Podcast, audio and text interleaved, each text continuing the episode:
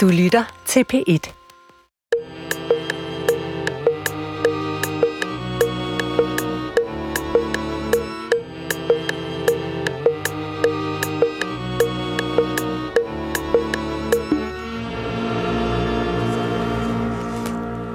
Goddag, mit navn er Peter Lund Madsen, og rigtig hjertelig velkommen til Hjernekassen på P1. Og i dag, der skal det handle om en person, som var kendt under navnet Dr. Skyd, og vi har tre gæster i studiet, Lise Hvid Kirkegaard, Carsten Grøndal og Annika Normand. Velkommen til, dag, til jer. Velkommen til Hjernekassen på P1. Du lytter til Hjernekassen på P1 med Peter Lund Madsen. Og i dag der skal det handle om Dr. Skyd, og min første gæst, det er Lise Hvid Kirkegaard, sektionsleder ved ATP. Og vil du godt, som vi plejer her i Hjernekassen, fortælle lidt om dig selv? Det vil jeg meget gerne. Jeg er jo vokset op på, i den fede lollandske mul på Lolland Falster. Øh, og der var det blandt andet en øh, sommerting at tage i Knudborg Safari Og da jeg blev færdig med gymnasiet, så rejste jeg væk fra Uddanmark. Det gør man jo dernede. Men jeg kom tilbage siden øh, med mine egne unger i Knudborg Park og besøge familie osv. Og, og som voksen har det undret mig over, øh, hvad pokker for en mand til at lave øh, en blomstrende øh, landskabspark om til en safaripark med eksotiske dyr fra den afrikanske savanne. For det var jo det, der skete. Det var det, der skete. Adam Knut yes. lavede en safaripark. Ja, så jeg tænkte, jeg må læse hans erindringer, der står det garanteret skrevet. Og så øh, viste det sig, at de var ikke skrevet, de her erindringer. Øh, så lavede jeg en simpel søgning på Google, så kunne jeg se, at der havde gjort flere forsøg, og Karantista havde været i gang, øh, men det var ikke blevet til nogen bog. Og så tykkede jeg lidt på den, og så tænkte jeg, ja, jeg lader 3 og 5 være lige, og så skrev jeg til Adam, suttet på et gammeldags frimærke, sendt afsted. Må jeg ikke få lov at skrive din historie? Og han vendte tilbage, og vi lavede en aftale. Og øh, det var sådan, jeg røg i armene på, øh, på Eriksen, Dyrlæg Eriksen, fordi han havde været en hjørnesten i opbygningen af Safari-parken. Øh, da jeg var barn, der så jeg jo blandt andet Folk og Fæ. Jeg ved ikke, om du kan huske det, den her udsendelse med James Harriet, den engelske dyrlæge. Uh, den holdt jeg meget af. Ja, ja, og den er jo kommet i en, i en ny indspilning. Øh, men da jeg sad derovre for Eriksen første gang, han var, der var han fyldt 80, øh, og lidt mere måske, der tænkte jeg, hold da fest. Han er jo, han er jo den veritable danske udgave med de vildeste historier. Altså, han overgår jo langt James Harriet. Øh, det må jeg simpelthen, øh, det må jeg, det må jeg vende tilbage til. Så det, der skete, det var simpelthen, at du skulle skrive Grev Knuds erindringer, ja. og under dem fik du nys om en mand, der havde været med til at opbygge den her dyrepark, som hed Erik Eriksen, som var dyrlæge. Ja. Som du så sad over for, da han var kommet op i årene. Ja. Og han havde rigtig gode historier. Øhm, så det blev til, det blev til en lang bog. Han var ikke så meget for teknikken. Øh, han havde siddet, det viser, at han havde siddet på år og, og talt med en, øh, med en diktafon og prøvet at fortælle sine regninger til sig selv. Men det er sgu så besværligt at sidde og tale med sig selv, og man glemmer, hvad man har sagt, så, så, så det var ikke rigtig, det lykkedes ikke helt. Øh, så jeg var jo i gang med både at få transkriberet alt, hvad han at, hvad havde indtalt, og så få interviewet og, og lavet lidt mere. Og denne her dyrlæge, Erik Eriksen, som var med til at etablere Knuttenborg Safari Park, det var ham, der blev kendt under navnet Dr. Skyd. Yes. Og det er ham, det skal handle om i dag. Ja. ja. Og du, du vil sige noget mere? Nej, kun at han jo øh, har været, altså dyrene har været hans liv, øh, og han er jo blevet kendt som Dr. Skyd, fordi han har udviklet bedøvelse til de vilde dyr. Det havde man ikke så meget af, da han startede som dyrlæge. Morten Krøholt, vores dygtige redaktionschef, han har jo samlet et lydklip op, så vi lydmæssigt kan blive introduceret til Erik Eriksen, Dr. Skyd. Så puttede man bare ind i pipen. Så kunne man bruge det jagtgevær til bedøvelsespilene. Ja, problemet var, at jeg kunne ikke få lavet sådan nogle løse patroner, som passede til det. Så det havde for meget knald på. Så kunne man risikere, at det røg tværs igennem. Så det duede jo ikke. Og der lavede vi sådan en, en, en speciel indsats, sådan så at, at man kunne bruge slagstesten som, som sidder centralt i almindelige gevær. Og så, så kunne det altså bruges. Jeg tror nok, jeg har skrevet om det i, i disputatsen. Men, men altså, det er jo det der... Jeg havde jo ikke... Jeg er jo ikke bøsmager. Men det lykkedes alligevel at få lavet noget, der kunne bruges. Ja. Og det er jo dig, der hører, man hører det, er det ikke rigtigt? Det er Annika. Det er Annika. Men øh, Dr. Skyd, det er det, det skal handle om i dag. Og du har skrevet eller medvirke til at, at nedfælde hans erindringer. Ja, det er blevet til en fin lille bog. Øh, og først havde jeg tænkt, den kunne hedde noget ret af, der skydes med skarpt, men han skød jo netop ikke med skarpt. Det var jo bedøvelse, han skød med. Så, så titlen er blevet, der skydes, tankestreg, men ikke med skarpt.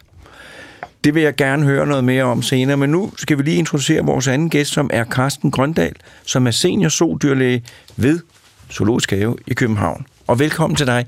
Vil du også fortælle lidt om dig selv, og hvordan du kom i kontakt med, med Erik Eriksen, Dr. Skyd? Ja, det vil jeg gerne, og tak for invitationen. Øh, jeg har jo været så privilegeret og kendt Erik Eriksen øh, næsten hele mit liv.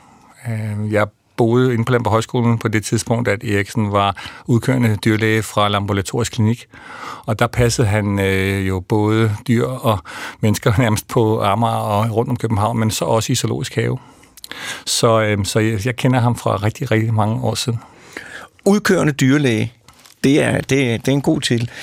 Øh, øh, og, øh, og så vil jeg sige velkommen også til min sidste gæst, Annika Normand, konservator ved de veterinære samlinger Ja, på Landbrug Højskole i Frederiksberg. ja. Og vil du også fortælle lidt om dig selv?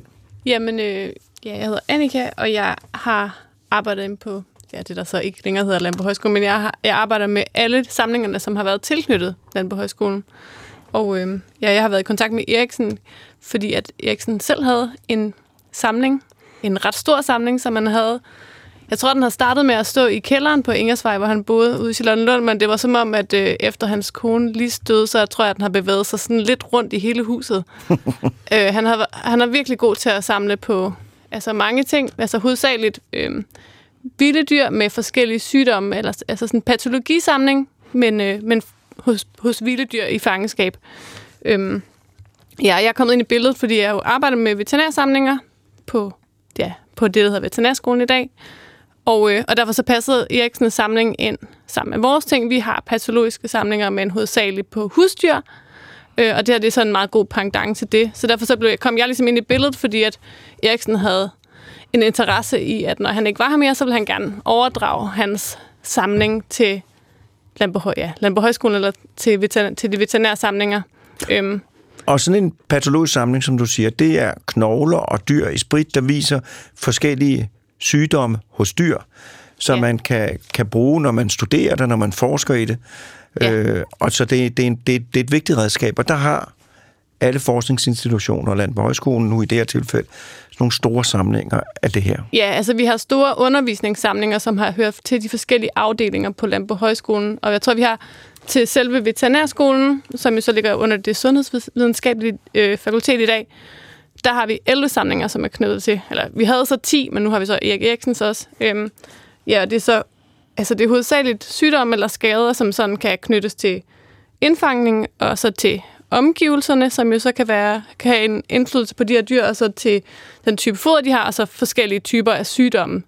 Øhm, men altså, ja, det er jo en pendant til de husdyrsamlinger inden for patologi, som vi har, men det er jo nogle helt andre typer af problematikker, man ser hos de her vilde dyr i fangenskab, end hos husdyrene, som jo så er ja, de er jo lavet til at være i de her omgivelser, som de er i, hvor ja, de vilde dyr er jo lidt, det er jo noget helt andet, men øh, ja, så derfor så er det en rigtig spændende samling, og så vidt jeg har kunne se, altså nu har jeg jo arbejdet med den siden der tilbage til 2017, og jeg har ikke kunne finde andre samlinger i hele verden, som, som har været på den her måde. Altså, der er selvfølgelig nogen, der har samlet nogle ting ind, men ikke så systematisk som Eriksen, så øh, måske ikke så om... Altså, han har jo samlet ind både fra, ja, fra Københavns Zoo, hvor Carsten er, men også fra andre skandinaviske dyrparker og fra hele Danmark, og ja, altså han har været rigtig mange forskellige steder, så, det, så den er ret omfattende, samlingen. Og det er simpelthen, den viser skader, som du sagde, der opstår ved indfangningen af dyrene, og så også skader, der, der eller sygdomme, øh, slitage, der kan være, fordi at de øh, ikke kan bevæge sig, som de plejer, ja. eller får noget andet foder og sådan Ja. nogle ting.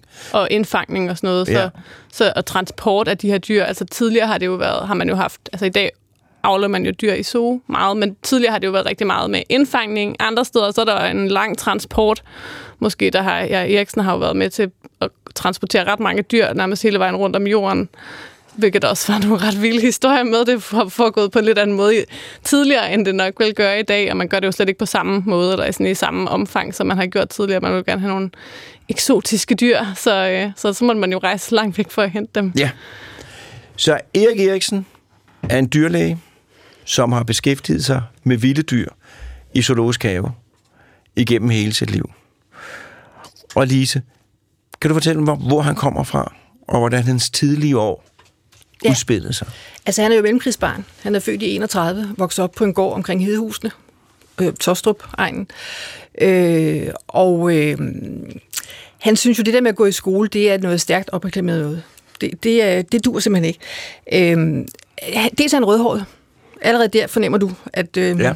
der, der er er man udsat for lidt af hvert. Heldigvis var han stor og stærk. Det var han hele livet. Han var tårnhøj. Øh, så han kunne give nogen på kassen.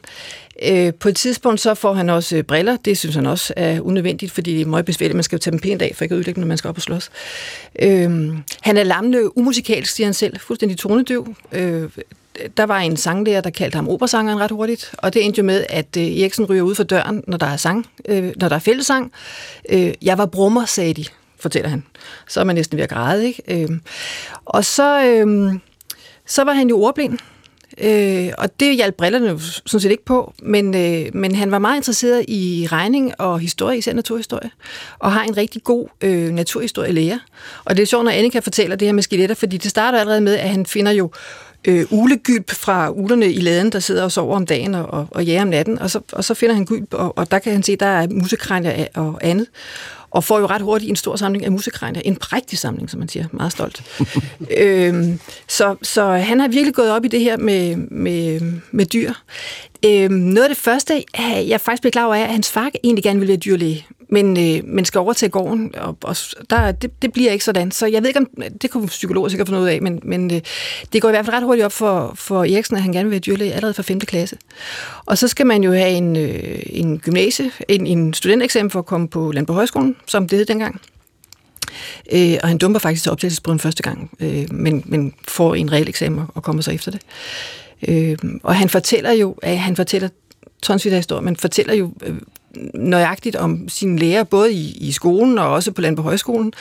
Øh, der er en særlig professor, som øh, åbenbart er, er kendt blandt de studerende. Det kan være, at Carsten kan fortælle dem det med, som en, man har lidt skræk for.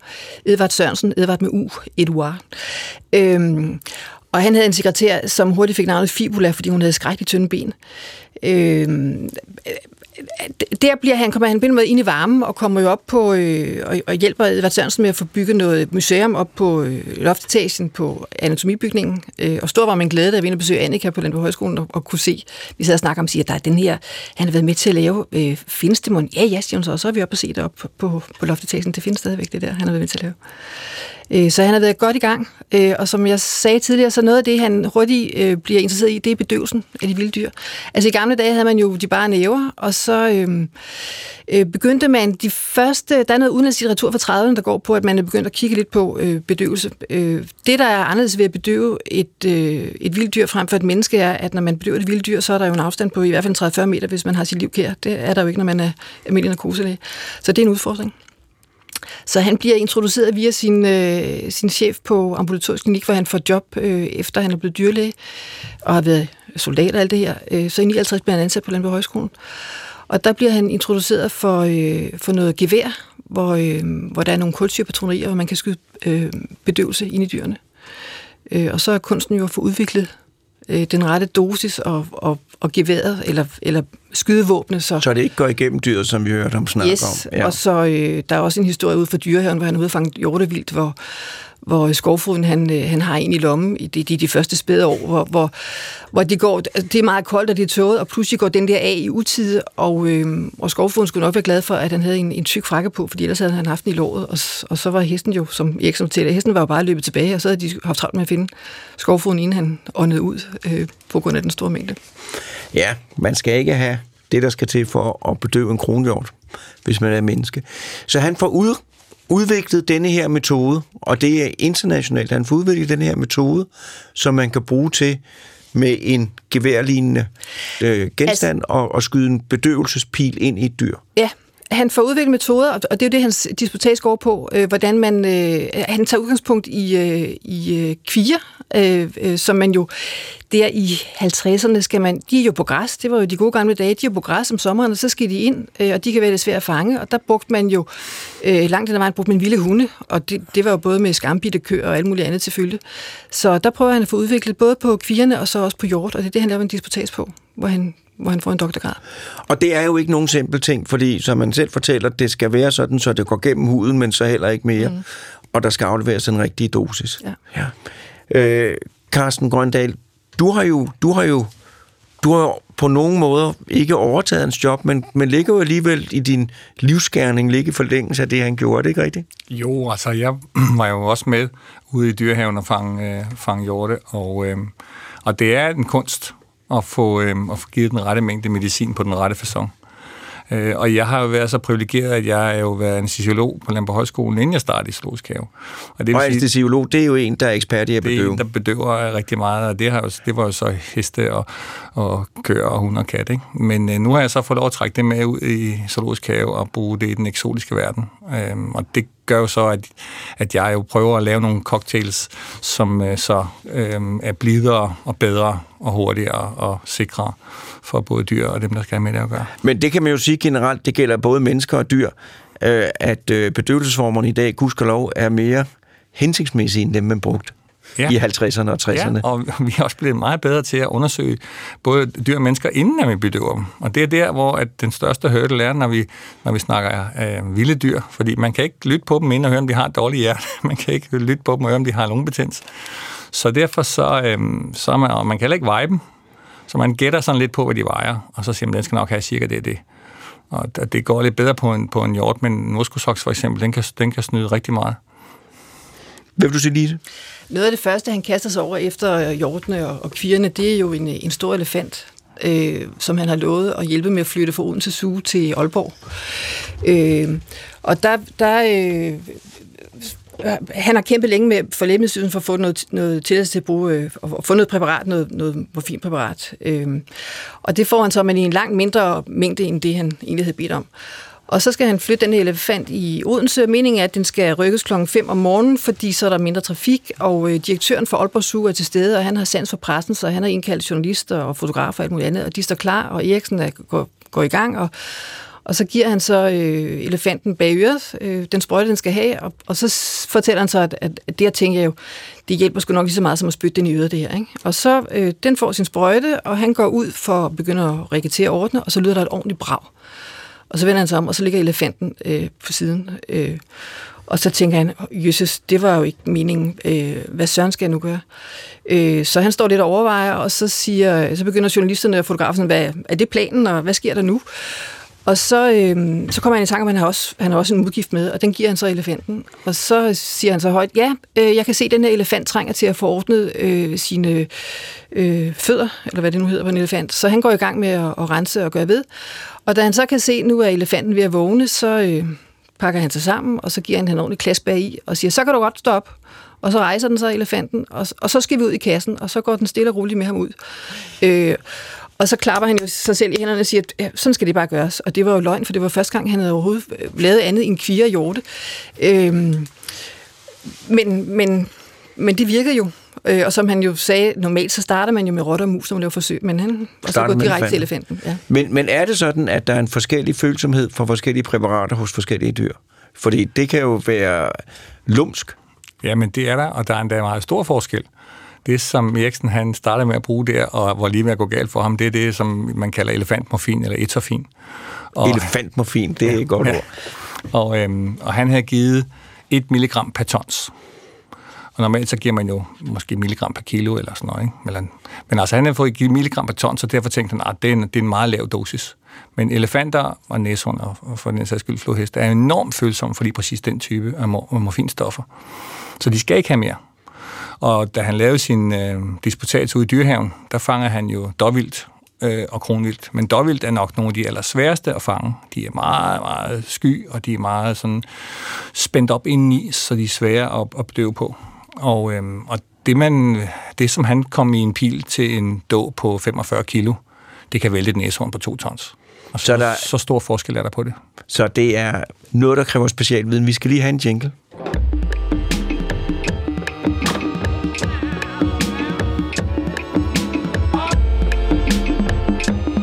Lytter til Hjernekassen på P1 med Peter Lund Madsen. Og i dag der handler det om en dansk dyrlæge ved navn Erik Eriksen, kattenavn Dr. Skyd, som var en af pionererne inden for udviklingen af forskellige bedøvelsesformer øh, til, til, til vilde dyr. Øh, og Annika Normand, du har jo været med til at bringe orden i hans samlinger. Ja. Og du vil gerne sige noget. Ja, det var i forhold til det, som Carsten og Lisa har fortalt med, hvordan han startede med at, at, at bedøve de her vilde dyr. Øhm, og vi har jo i vores, eller de, de samlinger, som vi har overtaget fra Erik, det var blandt andet alle hans øh, notesbøger, som han har ja, været meget god til at udføre helt tilbage fra dengang han startede, hvor han netop har skrevet alt ned sådan med dosis, og hvordan dyret har opført sig, hvor hurtigt det er gået, hvor godt det har, eller hvor, hvor, hvad hedder sådan noget, hvor dybt det har sovet, og sådan, og hvor lang tid, og så har han jo prøvet løbende med de her forskellige typer af bedøvelsesmidler. Så, så han har virkelig været, altså fordi det jo netop var, at han, at han startede helt fra scratch, eller sådan, han har jo så, man kunne så måske, når han fortalte, at at han kunne selvfølgelig overføre sådan noget som bedøvning af heste på zebra og giraffer og sådan Altså han, der var ligesom, man kunne sådan... Altså det var ikke, fordi han startede helt fra... Altså han, man kunne sådan ligesom, ligesom gå ud for det, men, men der var mange, der ligesom faldt udenfor, og man skulle også ligesom... Ja, der var forskel på at være husdyr og på at være ja, være i fangeskab på den måde og være vilddyr. Og sådan, han kunne få noget hjælp fra Afrika og sådan noget, ved at han har været nede og få noget erfaring, men det er jo sådan nogle der, dyr, der lever vildt, eller i de her store naturparker, og de har jo en helt anden opbygning af muskler og sådan noget. Så han var jo sådan, så det var svært at trække på nogle andre erfaringer fra, fra andre dyrlæger, fordi der jo ligesom ikke var nogen, der lavede den type, som han lavede. Ja. Så han har i hvert fald været virkelig dygtig til at skrive alt det her ned i notesbørne, øhm, som jo så han har kunne bruge længere ja, sidenhen, og jeg tænker også, det er det, Carsten ligesom har kunne, kunne arbejde videre på efterfølgende. Men Carsten, er det her blevet systematiseret? Er der, er der nu bøger ja, til zoologiske haver, man ja, siger, hest, så skal du lige passe ja. på med det der? Det er der. Der er lavet nogle rigtig gode lærebøger nu, og vi har øh, måske otte gange så mange stoffer, som der var, da Eriksen startede. Øhm, jeg arbejdede jo en del sammen med med de der notesbøger, og det var et rent helvede, fordi de var kronologiske. Ja. Og det vil sige, hvis vi skulle finde ud af, hvordan vi havde bedøvet en cebu sidste gang, vi havde været i Knuttenborg, så skulle han lige tænke sig om, hvornår det lige var. Fordi det stod ikke under sæt for Sebo, det stod under den øh, 22. April, fordi det var det, vi havde været dernede, øh, 42. Så, så, så det var ikke så nemt tilgængeligt, øh, hvad hedder det, men det er fuldstændig rigtigt. Det stod der omhyggeligt det hele, og hvordan den var blevet slinger efter hvor lang tid, om det var en god eller en halvgod eller en rigtig god bedøvelse. Så, øh, så jo, øh, men vi har det nemmere nu. Der er store lærebøger, og, og Eriksen startede også op med at gå på nogle af de tyske konferencer. Der var en del tyske dyrlæger, der havde øh, zoologiske haver som klienter, og de mødtes så en gang om året og udvekslede erfaringer og sagde, det er det, der skal man passe på, fordi det kan gå helt galt og sådan. Ikke? Så, øh, så jo, vi, øh, vi har et tæt netværk, fordi vi er så få, der ligesom kan noget om det der. Hvis nu jeg skulle, det kommer ikke til at ske, men hvis jeg nu skulle begynde at interessere mig for at bedøve dyr, hvad er, vil du så sige, noget af det, hvor man virkelig skal passe på, hvor man virkelig kan blive overrasket? Jamen, der er, der er to ting. For det første, så er nogle af de præparater, man bruger, er virkelig giftige for mennesker. Øh, vi har jo nogle af de stoffer, vi, vi, vi arbejder med, som, som, som, hvor en milliliter kan slå over 200 mennesker ihjel. Og øh, det andet, Hvad det er, bruger man dem til? Jamen, det er sådan noget, det man bruger til at bedøve antiloper og muskosokser og giraffer og sådan noget med. De kan tage det? De kan sagtens det, men det kan ikke bruges til store aber, det kan ikke bruges til katte. Så, øh, men det er fantastisk lækkert at arbejde med, fordi vi har specifikke antidoter. Når vi er færdige, så sprøjter vi antidot i dem, og så går der få minutter, og så er de helt friske igen og kan komme op og gå rundt og gøre, som de skal. Hvor at øh, vi med nogle af de andre har det lidt sværere med at få dem ligesom vågne igen efter det der. Så hurtigt, så, ja. som, som man skal. Og det andet med de store eksotiske dyr, det er, at, at de, øh, de nogle gange, øh, hvis man ikke passer på og bruger de rigtige stoffer, så kan de ligesom vågne pludseligt op. Og, øh, og det kan være slemt nok, hvis det er en hund, øh, man har på bordet i en dyrlægeklinik. Ja, det kan være slemt nok for mig i hvert fald. Men, men hvis det er en løve eller en bjørn, øh, eller en, en tiger, eller sådan noget, så, er det, så er det ikke rigtig så, så sjovt og hyggeligt længere, og, og, og folk panikker selvfølgelig også lidt, når det sker. Øh, og, øh, og det er noget af det, som, som er, er det sværeste i, i, den, i den sammenhæng, når man snakker og spørger om, hvad der skal til for at bedøve eksotiske dyr. Så nogle gange skal man operere på en løve, for eksempel. Ja. Så lægger man løven i bedøvelse. Ja. Og så begynder at vibrere med, med, med knurhårene og, og bevæge på sig, så er det, at man skal bevare roen og, og, og ændre på dosis, og ikke bare løbe ud af lokalet og lukke døren. Ja, det kommer an på, hvor meget den vågner, om man skal løbe ud eller ej. Men, men, men normalt vil man, vil man jo øh, typisk have øh, en, øh, en lille kateter, en lille blod, øh, adgang til blodåren, og så kan man give lidt ekstra øh, narkose ja. der. Øh, men det er rigtigt, hvis de vågner voldsomt, så er det bare med at komme ud og få, få, få, lukket, øh, få lukket lågen. Hvad vil du sige, Lise? Han har jo en sjov historie, hvor han skal øh, over og, og redde snuden på en tiger over i en, øh, en svensk zoologisk have. Og øh, der får den et præparat, jeg ved ikke, om det er noget, der er udviklet mere på, det er det sikkert, men, men hvor, hvor tigeren jo har åbne øjne og sidder og slikker sig på munden. Altså, den er væk, men, men den ser ud, som om den på ingen måde sover. Øh, og hvor han jo øh, tænker ved sig selv, ja, nu kravler jeg så ind her øh, og ligger mig pænt ved siden af tigeren og satser på, at, øh, at det går. Og imens så sidder den, en af den en, der sidder og tænker, jeg skal have dyrlæge til middag. Dyrlægens han er Ja, ja. ja. Men at det er simpelthen, at der er et bedøvpræparat, hvor, hvor, hvor dyret opfører sig som var det vågent, øh, men hvor man kan satse på, at det sover. Ja, men, øh, men det opfører sig ikke som vågent, men det, men det lukker ikke øjnene, som, som Det lukker ikke øjnene og Nej. slikker sig om munden. og Har Ja, og de har, de har lidt reflekser, og, og, og, og, ja, altså der er ikke ret meget refleksdæmpning. Øhm, og, øh, og det vil sige, at, at, at, at det er også derfor, at når folk siger, hvor meget sover den, så siger man, skal lige se, hvad den har fået, for det, det betyder rigtig meget, hvad slags medicin. For nogle gange, så har man en medicin, der gør, at de sover, ligesom når man sover. Og nogle gange har man medicin, så de ligger og kigger på en, øhm, og nærmest blinker med øjnene, øhm, og, men stadigvæk er bedøvet og er væk. Øhm, og og der, der er det vigtigt at vide, at det er det, det, der det, vi er. Og vi skal også huske at drøbe dem i øjnene, fordi de, de, husker, de glemmer lidt at blinke og sådan. Ikke? Øhm, det, som Eriksen brugte i det tilfælde der, det var, øhm, det var englestøv, PCP, fencyklidin. Øhm, og det er man holdt op med at bruge. De, de, øh, men det var et meget, meget sikkert produkt. De var, de var længere om at gå ned, de lå rigtig godt, men de var også meget længere om at vågne, så vi bruger nogen, der holder lidt kortere nu. Og det er jo den vej, det generelt er gået, at man jo gerne vil have den her periode til at vare så kort som muligt, fordi det er belastende for krop at være, at være meget bedøvet. Helt sikkert, og specielt de, de her eksotiske dyr, hvor vi ikke ligesom kan... Altså, vi kan jo ikke lægge dem i en intensiv øh, opboning øh, og have nogle søde, øh, dygtige sygeplejersker til at passe dem der. Når vi ligesom stopper med, at, og, og, så er vi på den anden side af gitteret, og hvis de så ikke kan få luft, eller ligger og masser sig ind i et hjørne, eller, eller halvvejs kvæler sig selv, så, så er der ikke ret meget, vi kan gøre ved det. Så der er det med at få dem kvikkest nok, hurtigt nok, så de kan passe rigtig godt på sig selv. Hvor mange, hvor mange øh, mennesker på jorden beskæftiger sig med, med det her? For det er jo, det er jo et kæmpe område, øh, og det må besidde en specialviden. Ja, altså det er svært helt ligesom at sige Men er helt det hvor mange. men- tusinder, ja, altså, jeg vil- 10.000 Ja, altså vi har verdenskongresser for zoodyrlæger, og der kommer der afsted mellem 4 og 600 deltagere øh, fra hele verden. Og det er vel mm, i rundtal cirka en tredjedel af dem, der arbejder med det. Så vi er nok et sted mellem 1.500 og 2.000. Der, øh, Så er det ikke mange, Nej, der sidder med den her, Nej. den her viden. Annika, du, har, du møder ham jo sent i Ja. hans liv. Hvor gammel er han, da du møder ham? Ja, men hvor gammel han er fra 31, ikke? Ja, jeg møder ham så i 2017, så han, og han, ja, han dør jo så allerede i 19, så jeg har jo kun kendt ham lige de sidste to år af hans liv. Øhm, og jeg, bliver, jeg bliver, kommer sådan lidt ind i det her. Vi er, altså jeg kendte ikke Eriksen. Altså jeg havde, jo, det passer faktisk ikke, for jeg vidste godt, hvem han var, men jeg vidste faktisk overhovedet ikke noget om alt det med samlingerne og helt præcis, hvad det var, han lavede. Men jeg havde godt mødt ham. Men jeg bliver kontaktet af Mads Bertelsen, som er Carstens kollega. Øhm, fordi at ja, fordi jeg ikke jo gerne vil øhm, overdrage den her samling. Øhm, og derfor så, øh, så tager jeg ud og mødes med, med Erik og, Kar, og, hvad hedder det, og, og Mads. Og vi får kigget på den her samling, og jeg synes jo, den er helt fantastisk. Men, øh, men han har desværre ikke rigtig registreret den så meget, så, så det var jo sådan, jeg, det var jo ikke bare lige at tage ud og hente det, eller sådan. Det var, der var jo lidt mere, det var lidt mere omstændigt end, end som så. Så det startede med, at jeg tog derud hver anden onsdag til middag eller sådan noget, og så lige havde lidt kage med, og så kunne vi lige sidde og få lidt kaffe og lidt snak og sådan noget. Så, og så gik vi ned i kælderen, og så gik vi i gang med at kigge på alle de ting, som han havde. Øh, og så har jeg bare siddet og skrevet det hele ned, og også optaget rigtig meget af hans historie og sådan noget, fordi nogle gange så kunne kaffepausen kunne godt blive lidt længere end selve registreringen, for han kunne godt lide at fortælle mange lange historier. Så, øh, så det var altså, og det var jo, ja, altså, det er jo nogle ret vilde historier. Det- Altså, både han har jo de der, mange af de samme, som han kørte med, men, men når man så kom ned i samlingerne, så var det jo nogle lidt andre ting, fordi så var det måske nogle historier, han ikke lige havde tænkt på, sådan lige for nyligt.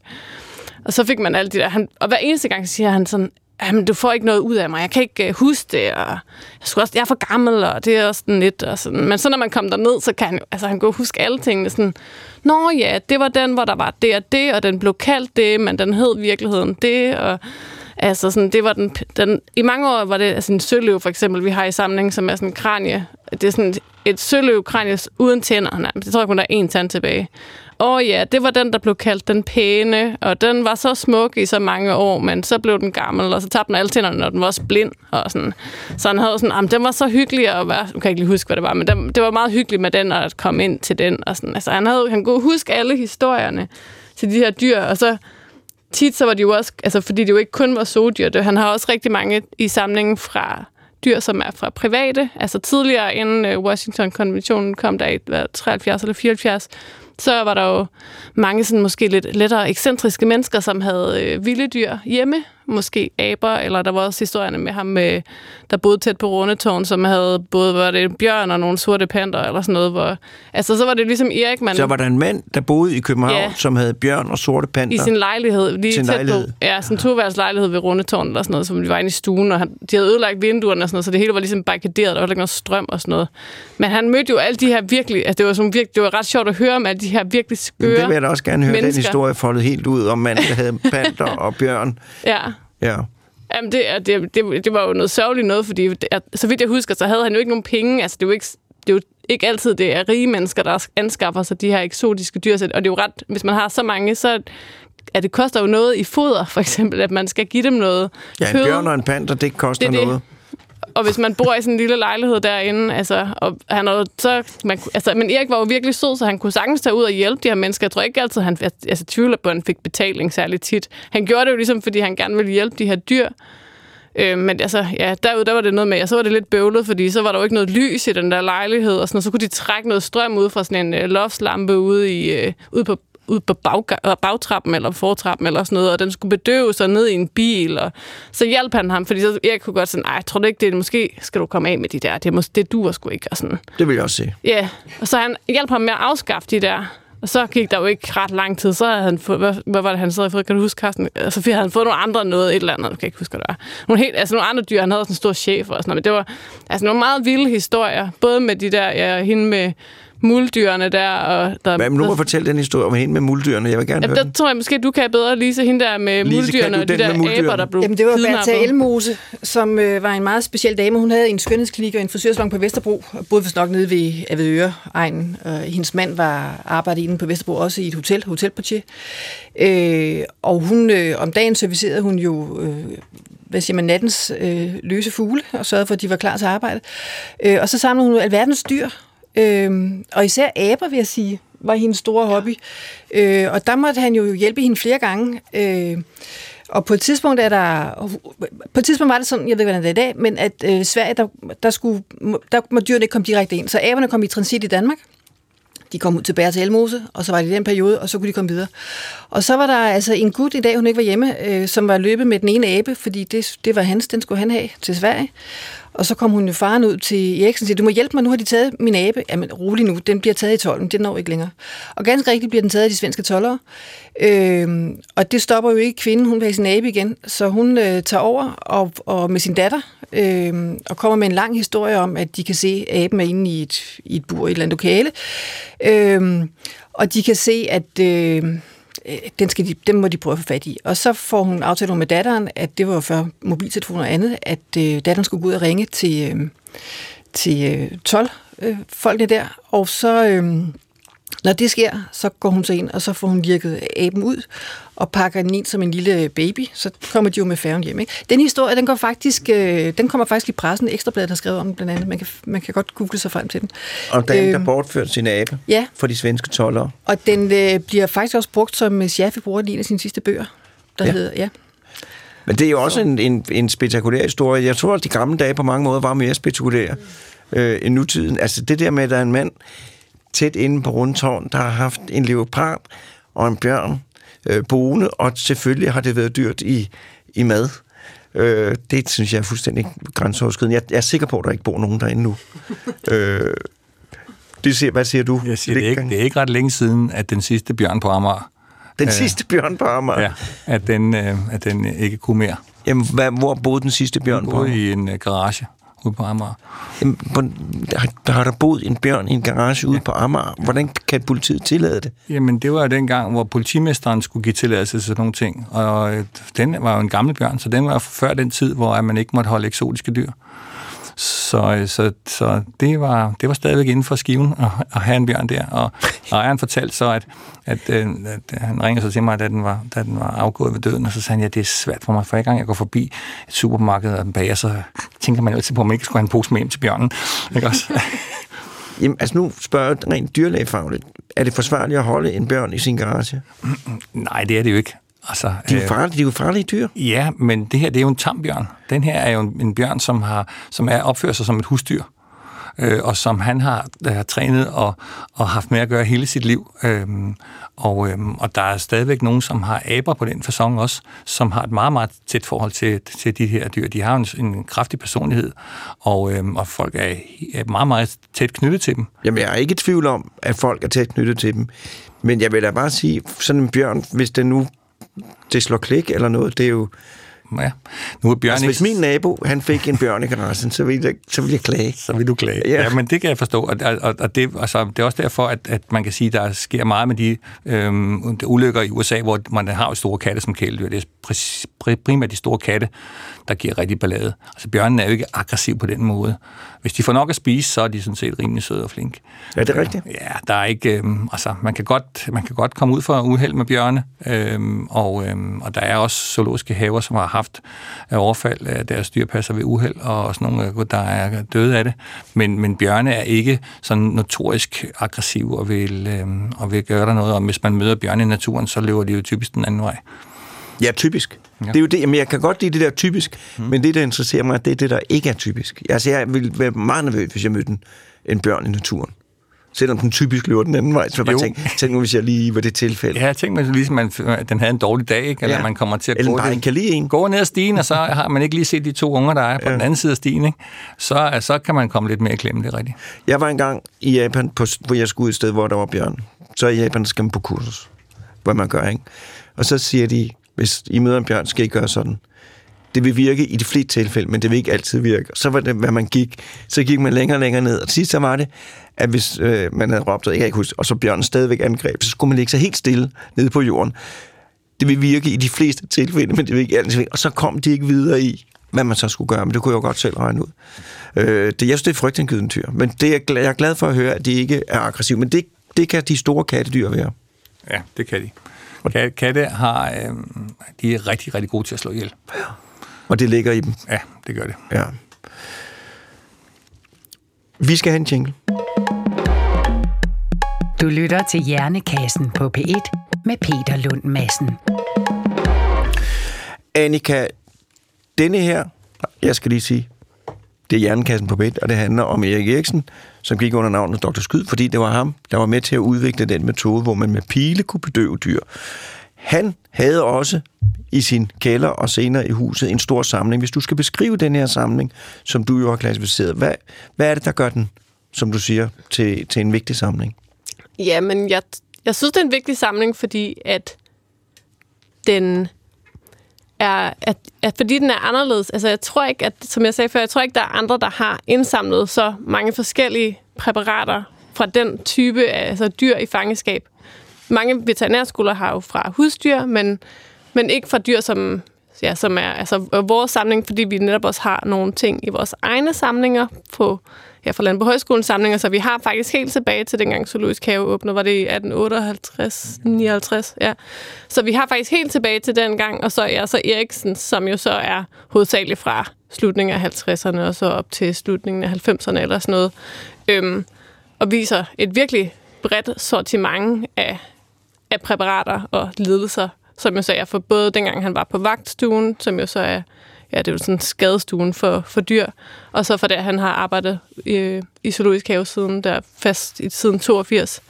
Øhm, så han har virkelig været Altså, altså, han har også samlet meget ind, vil jeg sige. Der var også, det var også ikke lige det hele, der sådan, der var også sådan lidt blandet, som vi lige havde lidt svært ved lige at finde ud af, hvad filen der lige havde været meningen med det. Og så, altså, så, er ja, så der er alle de her præparater, som jo så er virkelig fantastiske, men der er også, altså han har jo også jeg ved ikke lige, hvordan jeg skal forklare. Altså, han, har, han havde også nogle ting, sådan, hvordan han ligesom sådan selv var med i samlingen. Han havde blandt andet hans fars guldtænder. De lå også inde sammen med tænder fra forskellige... Altså, han havde sådan nogle skuffer, med, hvor det var sådan med tænder, og så var der skuffer med fodknogler, så man ligesom kunne se, hvordan de forskellige så ud. Og så var det sådan lidt... "Hvad Hvad fanden er det? så var der lige hans fars tænder, ja, og så nogle af hans egne tænder, som man så åbenbart har tabt på et eller andet tidspunkt. Og han har også, øh, ja, samling, så var der sådan, der var blandt andet, hvad var det, en, en, øh, ja, en klippegrævling, hvor at, øh, den havde han beholdt, fordi at det var den, der bed ham i fingeren, så hans finger var altid sådan lidt kroget efter det. Han skulle fange dem på et eller andet tidspunkt, og så havde de gemt sig under en sten. Så havde de bidt, så den ene bit ham, og det var der så gået betændelse i, så han havde sådan Groet. fået fingre. Han havde også gemt nogle, øh, fra, hvad hedder sådan nogle øh, fra øh, hulepindsvin, sådan nogle pigge, som en, der havde stukket ham i benet. Hvad jeg ved ikke, der var sikkert også gået betændelse i han. Det blev heller aldrig sådan helt godt igen. Og jamen, altså sådan, han, ja, og han havde også en patron fra, altså det var før man brugte boldpistoler, så, måtte, så skød de jo med, ja, med, med skarpt på de her, når de skulle aflive de her dyr. Det var blandt andet fra et hængebusvin, som de jo har haft som klappegrise eller et eller andet derinde på et tidspunkt hvor, hvor jeg sådan lidt, hvorfor, hvorfor har du gemt den? Så, ja, men det var fordi, så var, det, så var projektilet gået igennem hovedet på grisen, og så havde den landet over i hans lomme, som han, på hans jakke, som han lige har taget af. Så det er sådan lidt, sådan lidt farligt, når det er sådan lige... Altså, så han, altså, han var kommet til skade på lidt forskellige måder. Nu er han jo ikke sådan en, der lige tager det så tungt med de der skader, men det var, altså, ja. Så det var sådan lidt, det var lidt en sjov samling, fordi det både var sådan meget fagligt, og så sådan meget Erik Eriksen-agtigt også med de her lidt skøre ting. Og ja, så alle de ting, han havde samlet ud fra, altså fra den på højskolen samlinger, som var blevet kasseret der i 70'erne, så ham og Lis havde, hans kone havde lige samlet lidt op, når de havde sådan, de kommet forbi, der var rådet lidt ud. Så, så kunne vi, det kunne jeg jo så bare putte tilbage i samlingen igen, så det var jo sådan set nemt nok. Det var meget fedt, men øh, ja, så det, så det er sådan lidt en, Ja, så sådan en undervisningssamling, med, og så med de patologi, og så var der jo jeg blandt andet også Pondus, som jo mange kender fra Zoologisk Have, som er et kongepingvin, øh, ja, som, øh, ja, som jo blev brugt i de der øh, bøger i 70'erne. Pondusbøgerne. Ja, Og som har mødt Pippi og Sonja fra Saxogade. ja, og som jo stadigvæk bliver lavet på Danske Bank til deres øh, sådan nogle, hvad hedder det, sparebøsser og sådan noget. Ham har han også gemt, og sådan, så det er sådan lidt en, en en særpræget sådan kuriosa sammen. Altså, det, var også, det var meget fedt at komme ned i kælderen, men det, var også, der var faktisk ret meget, da vi skulle til at begynde at pakke det sammen og sådan noget der efter han stod. Det var, Kan jeg komme ind og se Pondus? øh, du kan ikke se Pondus, men vi har en udstilling på vores øh, bibliotek ude på, på, øh, ja, på campus Dyrlevej 10, hvor vi har udstillet øh, lidt blandet fra Eriksens samling. Altså, jeg tror, jeg har, vi har registreret omkring 500 præparater i samlingen, og jeg tror, i udstillingen, det er jo ikke, det er jo ikke et museum, men det er jo sådan et bibliotek, der har vi en udstilling med Eriksens præparater, og lidt af de helt gamle ting også, men Ja. hovedsageligt Eriksen. Blandt andet også øh, Julius og sådan nogle af de andre sådan meget sjove De præparater. er meget, dem skal vi høre om senere. Jeg siger, Ja. Er Pondus i god stand? Nej, ikke så meget. Altså, det, Nej, ikke så meget. altså det, Pondus er udstoppet, og det er, udstopninger er sådan lige lidt... Det, det, hvis der er sådan lidt svingende lu- luftfugtighed, og der, er- altså nede i Eriksens kælder var der ret varmt, og måske også lidt skadedyr, fordi det er sådan...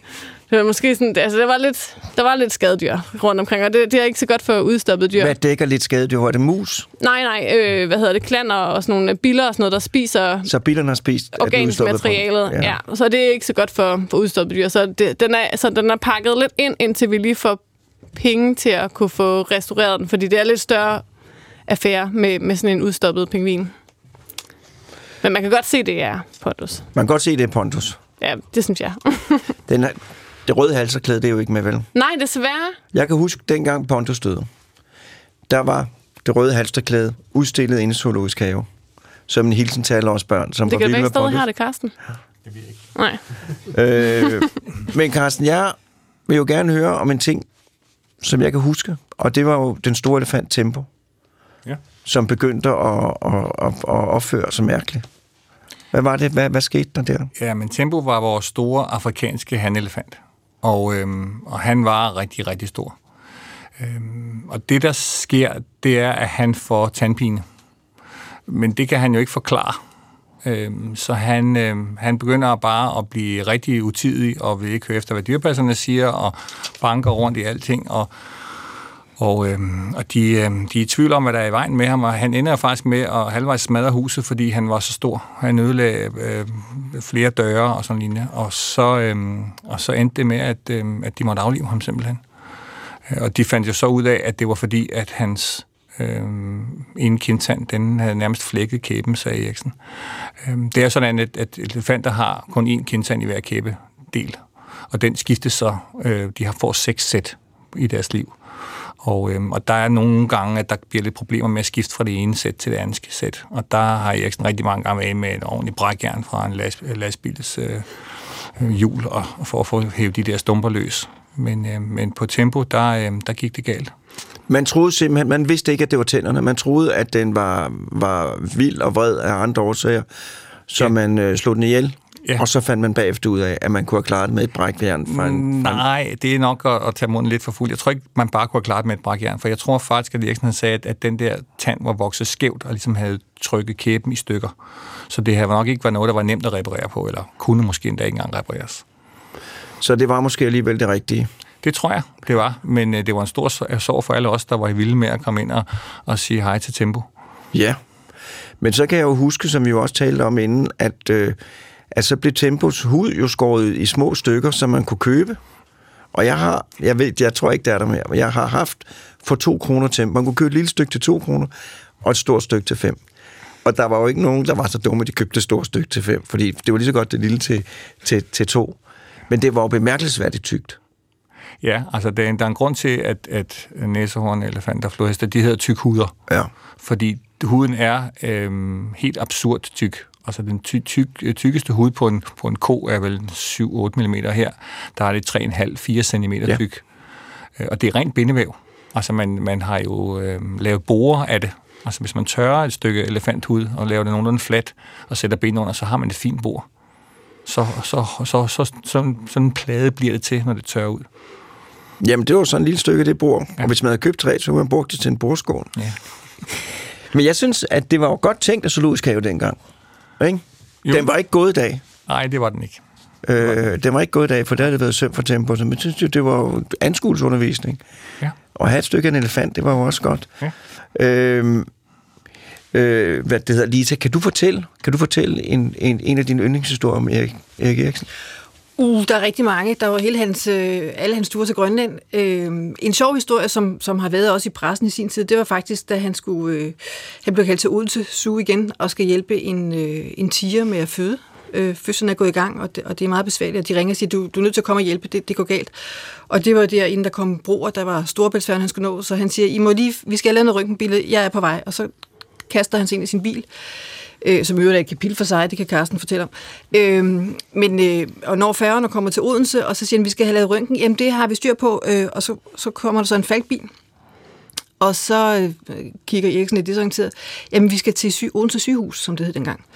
Og så kører de til Odense sygehus og ned i kætteren for ikke at lave for meget opmærksomhed, og der bliver øh, tieren øh, fotograferet, og det viser sig, at øh, den har været i fødsel for længe, så det går helt i stå, og, og der er mere end en unge.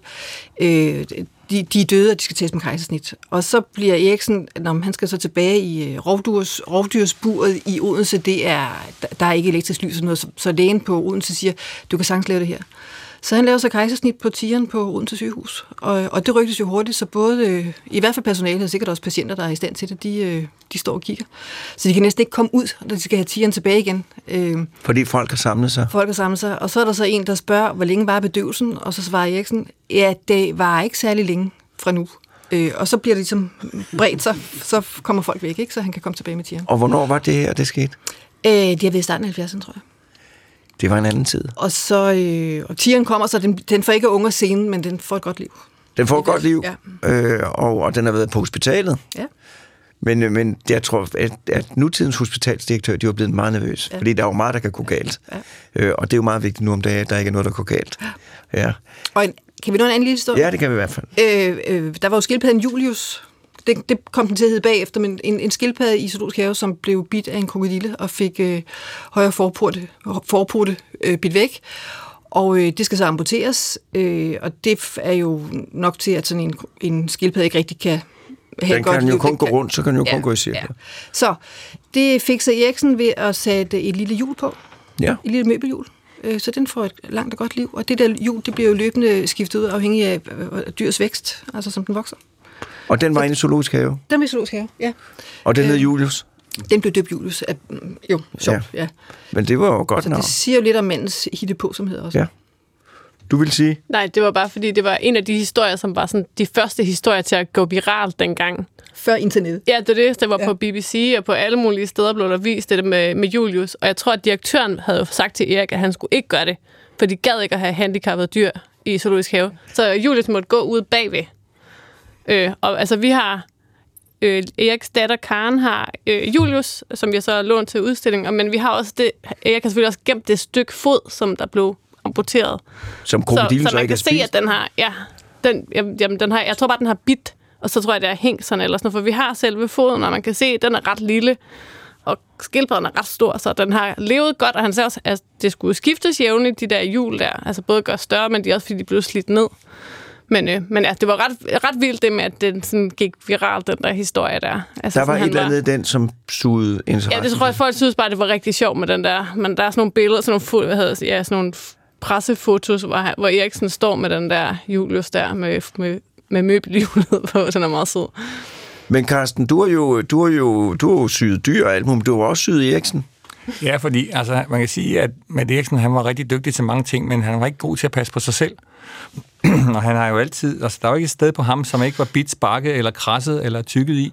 Så, så der var ikke nogen fingre, der kunne rettes ud, og han, når han så skulle han fortælle, jamen det der, det var zebraen, ikke nu, den, måtte, den, den bed sig fast, øhm, og så ville den ikke lukke munden op, så måtte de hente to skruetrækker og ligesom lave et X for, for ligesom få, få den til at lukke op, og, og sådan nogle ting. Så, så, så, øhm, så han har virkelig, virkelig været øh, uheldig mange gange, øh, og, øh, og han var meget, meget svær at få til lægen. Øh, så, så han Hvorfor kom- vil han ikke til lægen? Ja, men det gad han ikke, og det, der var, der var, men kan du ikke lige sy det her, siger han så. Ikke? Og så, men det gør, gør, vi så. Og Det er jo ikke sådan helt inden for skiven at, at, at lege kloaksalver på en kollega, men, men, men jeg tænkte lidt på, at det er jo nok bedre at gøre det, end det ikke blev gjort. Ja. Øhm, så, så jo, men, øh, men altså, han, øh, han var virkelig kommet altså, alvorligt til skade mange gange, og det er... Og når du siger alvorligt, kan du give nogle Ja, eksempler? men altså, øh, han har jo... Øh, altså, dengang med, med øh, det der hulepindsvin, der snuppede ham, øh, der, var, der sagde dyrepasserne, at der kom blod op af toppen af gummistøvlen. Så meget blødt hans ben. Så han blev stukket i benet af et af rigtig, rigtig mange pigge, ikke? Rigtig, rigtig mange pigge. Og de, de, hvad hedder det, og de sidder fast. Og han er så siddet og hævet nogle af dem igennem, og, og Fordi de har mod her, så de skal hele vejen igennem. Ja, det er virkelig været noget... Øh, det er virkelig ikke været godt. Og så var gummistolen fyldt op med blod. Ja, det var det, de sagde. Ja. var, den så jeg ikke, den der. Og det men- påvirkede hans gang. Ja, men altså, han kunne, da, han kunne da mærke det, og han er jo også altid altså, ikke passet på sig selv, så han var noget slidt i sine led og ting og sager, ikke? Så, så, øhm, så jo, han, øhm, altså når vi kørte til Knuttenborg, så gik der lige lidt tid før, at de der knæ kunne rettes ud, indtil han, fik, indtil han fik et par nye. Og det fik han jo så samtidig. Så sagde han, du kan ikke få dem samtidig. Åh, oh, så det, det er lige så godt for det overstået. Så siger, men hvad skal du så gå på? Ja, det var så det, der kniv lidt lige de første par dage, men, fordi det var begge dele, der var opereret, men, øh, men så altså, han, han kom sig, og så begyndte han jo at blive glad igen, fordi så kunne benene jo pludselig virke. Og så kunne han komme ud. Så kunne han komme ud, og han blev ved øh, med at, at, at lave ting, og han blev, var jo en, men altså, folk ringede til ham fra, fra hele Danmark og fra hele Europa, fordi han netop var en af dem, der havde været med til at udvikle på det med at kunne bedøve på afstand. Og, øh, og det, øh, det er, vi havde det, altså, det bedste øh, narkoseapparat, der findes altså narkosegevær, det er dansk, det er Daninject. Og, øh, og, øh, og der er masser af udviklingstrin i at få sådan noget til at spille, fordi den skal jo have medicinen med sig, men den skal faktisk sprøjte det ud, når den rammer. Og det der med at få timet, at den sprøjter det ud, når den rammer, det har der været mange øh, måder at prøve at løse på med fjedre og med blandinger af eddikesyre og bagepulver, som udvikler koldioxid, og så trykker stemplet frem og sådan nogle ting. Og hvad er løsningen så nu? Løsningen er at bruge trykluft. Man trykker lidt luft sammen i den bagerste del af det. Men så vil jeg lige sige igen, vi har vundet Tour de France i år, eller Jonas Vingegaard, men ja. vi har også det bedste Det har vi. gevær til, ja. til fjernbedøvelse af dyr. Ja. Det har vi. Det er en prægtig nation. Det er, jeg vil sige, det, og jeg bruger ikke andet, og jeg, har, jeg er så glad for det, og det rammer bare så godt altså. Du har mødt ham lige her ganske kort til sidst. Hvordan, hvordan synes du, han var? Han var jo et meget beskedent menneske. Altså det her med at hverken have mobiltelefon eller computer. Øh, øh, Og så var han jo, altså han var dyrenes mand, alt for dyrene. Han har ikke været nem at være gift med, vil jeg sige. Jeg har hørt flere historier om, hvordan, så ringer de juleaften. Altså man, man bliver jo brugt og misbrugt af sin arbejdsplads, når man, når man gerne vil, og, og han sagde aldrig nej. Øh, hans kone Lis, det var jo det var jo en tidligere studerende, hun blev også dyrlæge øh, på Landborg Højskolen. Øh, hun var ude og hjælpe ham i zoologisk have, da han, da han var derude og skulle assistere med en, hun skulle assistere med en fødsel til en bjergged. Øh, hun havde så små fine hænder, sagde han. Hun lugtede fælt af ged bagefter, men de blev gift et par år efter. Og hun blev siden en professor i, øh, i noget, noget med noget spolorum til svin og sådan noget. Ikke? Øh, intern medicin, ja. Ja, intern medicin. Øh, så tænker jeg, han har været et fantastisk menneske. Han har været et fantastisk menneske, men han, han kunne godt finde på at forlade hjemmet juleaften, hvis der var ja. en bjergged, der ja. havde forstuet en, et bagben et eller andet sted. Dyrene kom først. Ja. Men altså, jeg synes jo, der er øh, sådan en undergruppe af mennesker, mange gange mænd, som jo går op i dyr fra deres tidligste år og resten af deres dage øh, på en måde, som øh, jo er fantastisk. Øh, øh, Karsten, er du lige så glad for dyr, som Erik Eriksen var? Det er nok lidt svært at vurdere, men jeg håber da, at jeg laver lidt mere med familien og laver lidt mere ved siden af. Altså, da han, da han var i Zoo, der var han jo, der var han jo kun der. Ja. Og havde aldrig ferie og nærmest aldrig fri. Og vi er jo nærmest tre mand til at passe, og det, passe hans stilling. Passe hans stilling nu. Nu er tiden gået. Tak til alle tre, fordi I kom øh, og, øh, og fortalte om Erik Eriksen, Dr. Skyd, en mand, der var glad for dyr. Også tak til Morten Grøholdt, redaktionschefen. Og jeg har kun at sige, at næste gang, der er der også Hjernekassen på P1. Og indtil da, der håber jeg, at alting flasker sig, som det skal.